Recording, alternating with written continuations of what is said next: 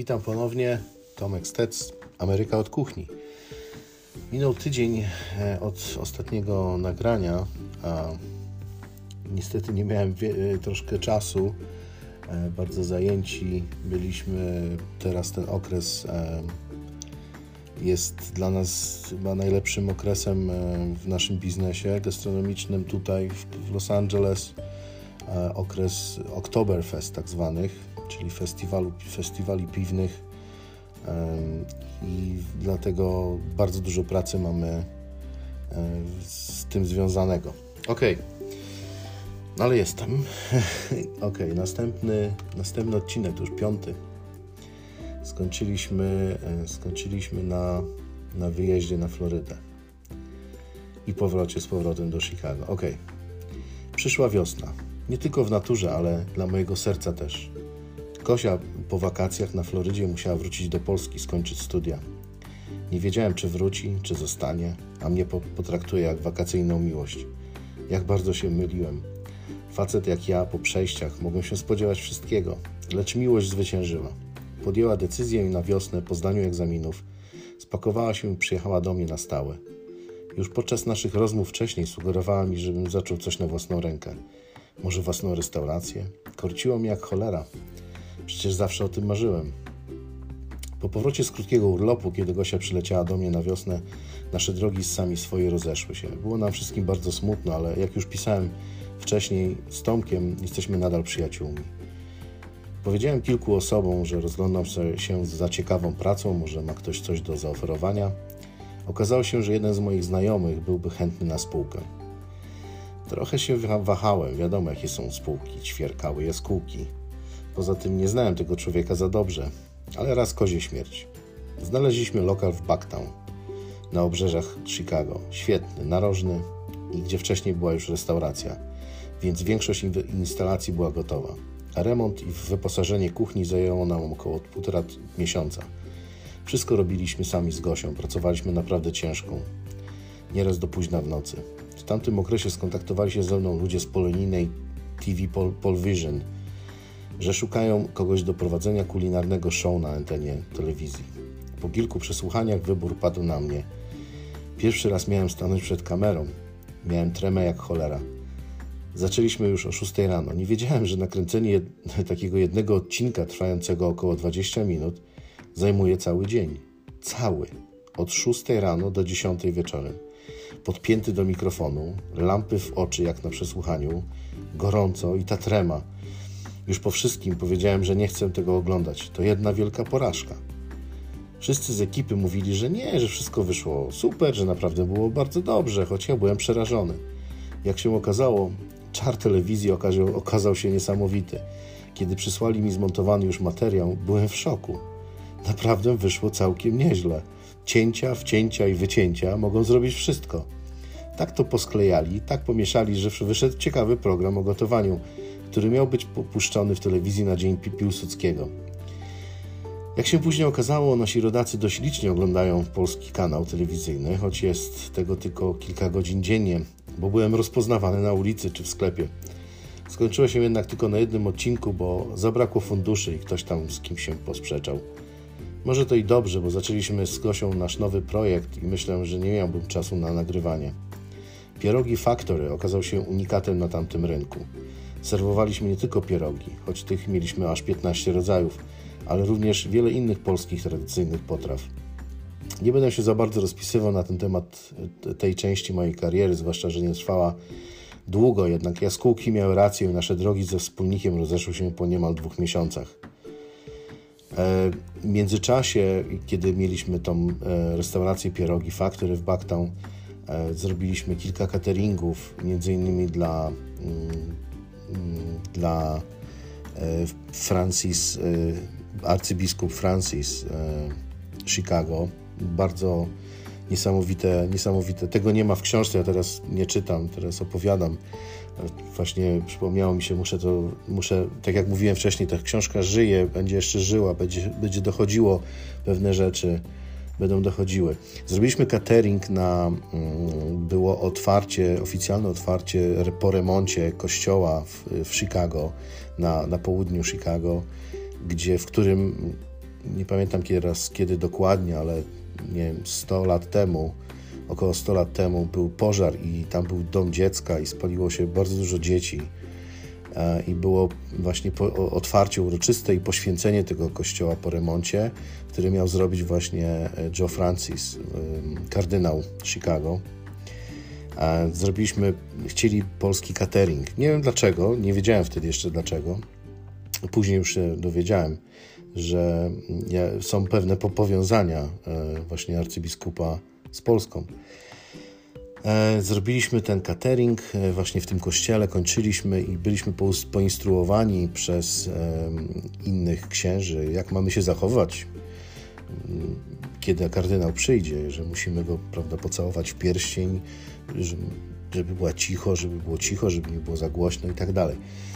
Więc śmieszna sytuacja wyszła wtedy, kiedy nikt nam nie powiedział. Myśmy siedzieli w kuchni z moimi, z moimi ludźmi, z moimi pracownikami. Kończyliśmy przygotowywać catering, na który między innymi tam składał się gołąbki, oczywiście pierogi, typowo polskie dania, e, placki ziemniaczane i tak dalej. I, i słyszymy, że wchodzi cała świta łącznie z, z arcybiskupem, z kardynałem i, i nagle słyszymy, że kardynał mówi, że Boże, co tak pięknie pachnie, po, po angielsku oczywiście. I, i, bie, i prawie, prawie, że biegiem od razu skierował się nie do kościoła, nie do nawy, tylko na, na zaplecze, do kuchni, jakby po węchu. E, kiedy wszedł do nas na kuchnię, zobaczył te dania i powiedział po polsku, zaczął mówić: Boże, pierogi, gołąbki. Bardzo nas to wzruszyło i ja mówię, że tak, że tak, to jest dla właśnie dla, dla, dla kardynała, robimy catering. I okazało się, że no, spędził kilka lat w obozie koncentracyjnym w Polsce i e, w czasie II wojny światowej. Tam właśnie nauczył się trochę polskiego i ma wielki sentyment do Polski. I, i taki, takie właśnie zdarzenie było. Um, Okej. Okay. Um, więc nasza, nasze drogi, moje drogi z wspólnikiem tej, tej firmy się rozeszły, e, tak jak mówię, po dwóch miesiącach. Uważałem, że koncepcja tego biznesu była słuszna, więc postanowiliśmy razem z Gosią pójść na własną rękę. Zwłaszcza, że ten typ restauracji bardzo spodobał się mojemu tacie i on wystąpił jako główny sponsor. Nazwa niemal sama się nasunęła Pierogi Place. Lokalu szukaliśmy około dwóch miesięcy. Przygotowywaliśmy się naprawdę rzetelnie. Badaliśmy rynek, okolice. W końcu mamy lokal, przedmieścia Chicago, Rolling Meadows. Blisko do centrów handlowych, masę biur w okolicy i lokal w samym środku parkingu dzielącego Walmart i Sam's Club. Pomieszczenie to było również wcześniej restauracją i tak jak poprzednim miejscu wszystko zapowiadało się pomyślnie. Niestety, nie przewidziałem, że małe miejscowości to nie to samo co Chicago.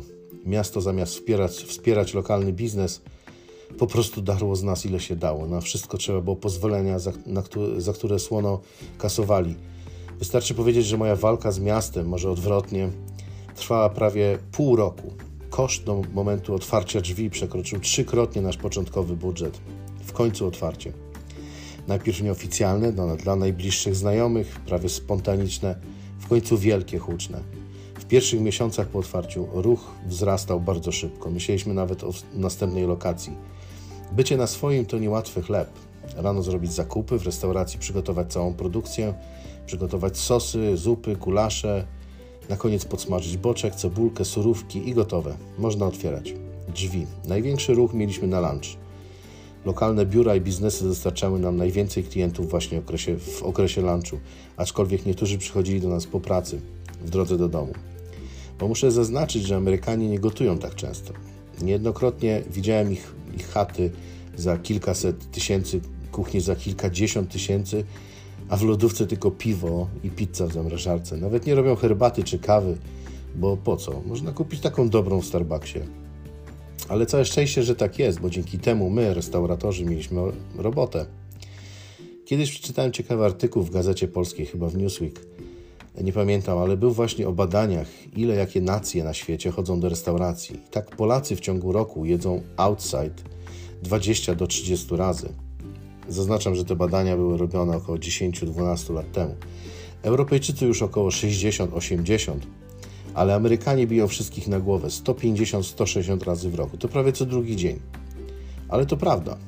Może teraz w dobie recesji trochę zaczęli oszczędzać właśnie na wypadach na wakacje czy do dobrej restauracji, choć McDonald's bije rekordy na giełdzie. Tanie jedzenie zawsze będzie w modzie, fast food. Dlatego staraliśmy się wy wypośrodkować ceny naszych dań, aby były porównywalne do cen fast foodowych. Lunch składający się z małej zupy dnia, sześciu pierogów do wyboru okraszonych boczkiem i cebulką, podane ze śmietaną i spicy sosem, do tego soda i wszystko to za niecałe 7 dolarów. Na początku 2000 roku to było bardzo tanio. Lokalne gazety rozpisywały się o, naszych, o naszym sukcesie, zwłaszcza, że nie mieliśmy praktycznie żadnej konkurencji. Nasza klientela składała się w większości z Amerykanów, ale polskiego pochodzenia. Było to czasami nawet czwarte pokolenie naszych rodaków, ale wciąż pamiętali smak pierogów czy placków, albo gołąbków swoich mam czy babci. Pamiętam jednego klienta, przyjeżdżał sam, przynajmniej raz w tygodniu, pod wieczór i zamawiał zawsze to samo: barszcz biały. Żurek, barszcz biały. I zawsze marudził, że czemu tak drogo, czemu tak mało, zacząłem już nawet proponować dolewki za darmo, ale jak się okazało, ten dziedziunię taki, taką miał naturę. Maruder. Kiedyś usiadłem z nim na ławeczce przed knajpą i zaczęliśmy rozmowę. Mówił słabo po polsku, ale bardzo się starał. Okazało się, że urodził się już w Stanach, ale jego oboje rodzice przypłynęli z Polski. Przypłynęli? Zapytałem. A on pokazał mi swój dowód i wiecie co? Zamurowało mnie. Był naszym najstarszym klientem, miał 97 lat i sam jeździł samochodem. Chodził o lasce, ale na 97-latka nie wyglądał.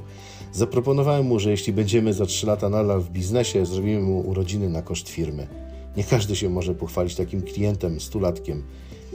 Dzień leciał za dniem, nawet nie wiedziałem kiedy, a już minął rok, jak mamy Pierogi Place.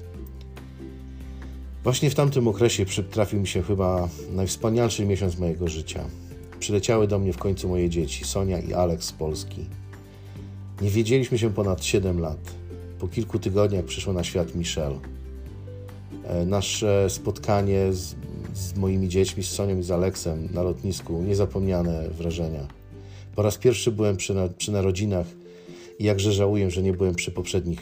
Spędziliśmy wspaniałe wakacje. Zwiedzaliśmy Chicago, byliśmy w zoo, w muzeach, było naprawdę super. Mieć swoją restaurację to nie takie proste. Trzeba być człowiekiem orkiestrą i już nie bawisz się nie swoimi pieniędzmi. Czasami muszę przyznać, że pracując u kogoś miałem podobne pieniądze, a o wiele, wiele mniej na głowie. Do Pierogów Place czasami też przyjeżdżali sławni ludzie. Jak zwykle Janusz był moim no, lojalnym klientem i zawsze wędrował tam, gdzie gotowałem.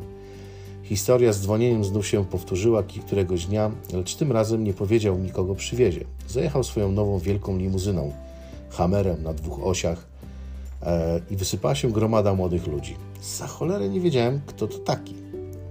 Przez to, że w końcu miałem własny biznes, nie miałem czasu prawie dla siebie, nie oglądałem telewizji, nie czytałem gazet za bardzo, przez to nie byłem na bieżąco.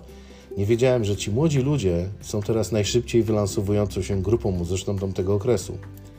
Chłopaki z Fila, taki był, to był zespół Phil, okazali się równymi gośćmi. Zamówili wszystkiego po trochu. I pierogi, i schabowy, i placek po węgiersku, oczywiście barszczyk czerwony z różkami, i rosół. Mieliśmy być, musieli być naprawdę głodni po zakończeniu naleśnikami z serem i pierogami z owocami. Niestety nie miałem nawet ze sobą aparatu, żeby zrobić sobie z nimi pamiątkowe zdjęcie, ale przydarzyła się śmieszna sytuacja. Puściłem właśnie na restauracji nową płytę Maćka Silskiego, naszego ziomala ze Szczecina i stała się rzecz niebywała. Chłopaki z Fila strasznie się zdziwili, skąd mam taką muzę. To taki chłopak ze Szczecina, Maciek Silski, powiedziałem skromnie. Słyszeliście? On zna Maćka, ludzie, ale i jaja. Musimy sobie zrobić zdjęcie z tobą i pokazać mu, jak wrócimy do Polski. Mamy z nim się spotkać na koncercie zaraz po powrocie. I w ten właśnie sposób, zamiast ja z nimi, to oni ze mną zrobili sobie zdjęcie. Ok, na tym może zakończymy tą część. Pierogi Place. Pierogi Factory i Pierogi Place. E, mam nadzieję, że przez weekend, najpóźniej po weekendzie, spróbuję nagrać następny, następny odcinek. Także bardzo dziękuję Wam za, za to, że słuchacie, bo wiem, dzwonicie do mnie, piszecie wiadomości. E, bardzo miłe. Odzew jest bardzo miły. Dziękuję jeszcze raz i jeżeli chcielibyście jeszcze o czymś usłyszeć lub coś mi przypomnieć może, bo no, jednak dużo się tu wydarzyło. Może o pewnych rzeczach e, nie napisałem, a, chcielibyście usłyszeć, to dajcie mi znać. Postaram się, e, postaram się spełnić Wasze, wasze e, zachcianki. Także jeszcze raz dziękuję i do usłyszenia.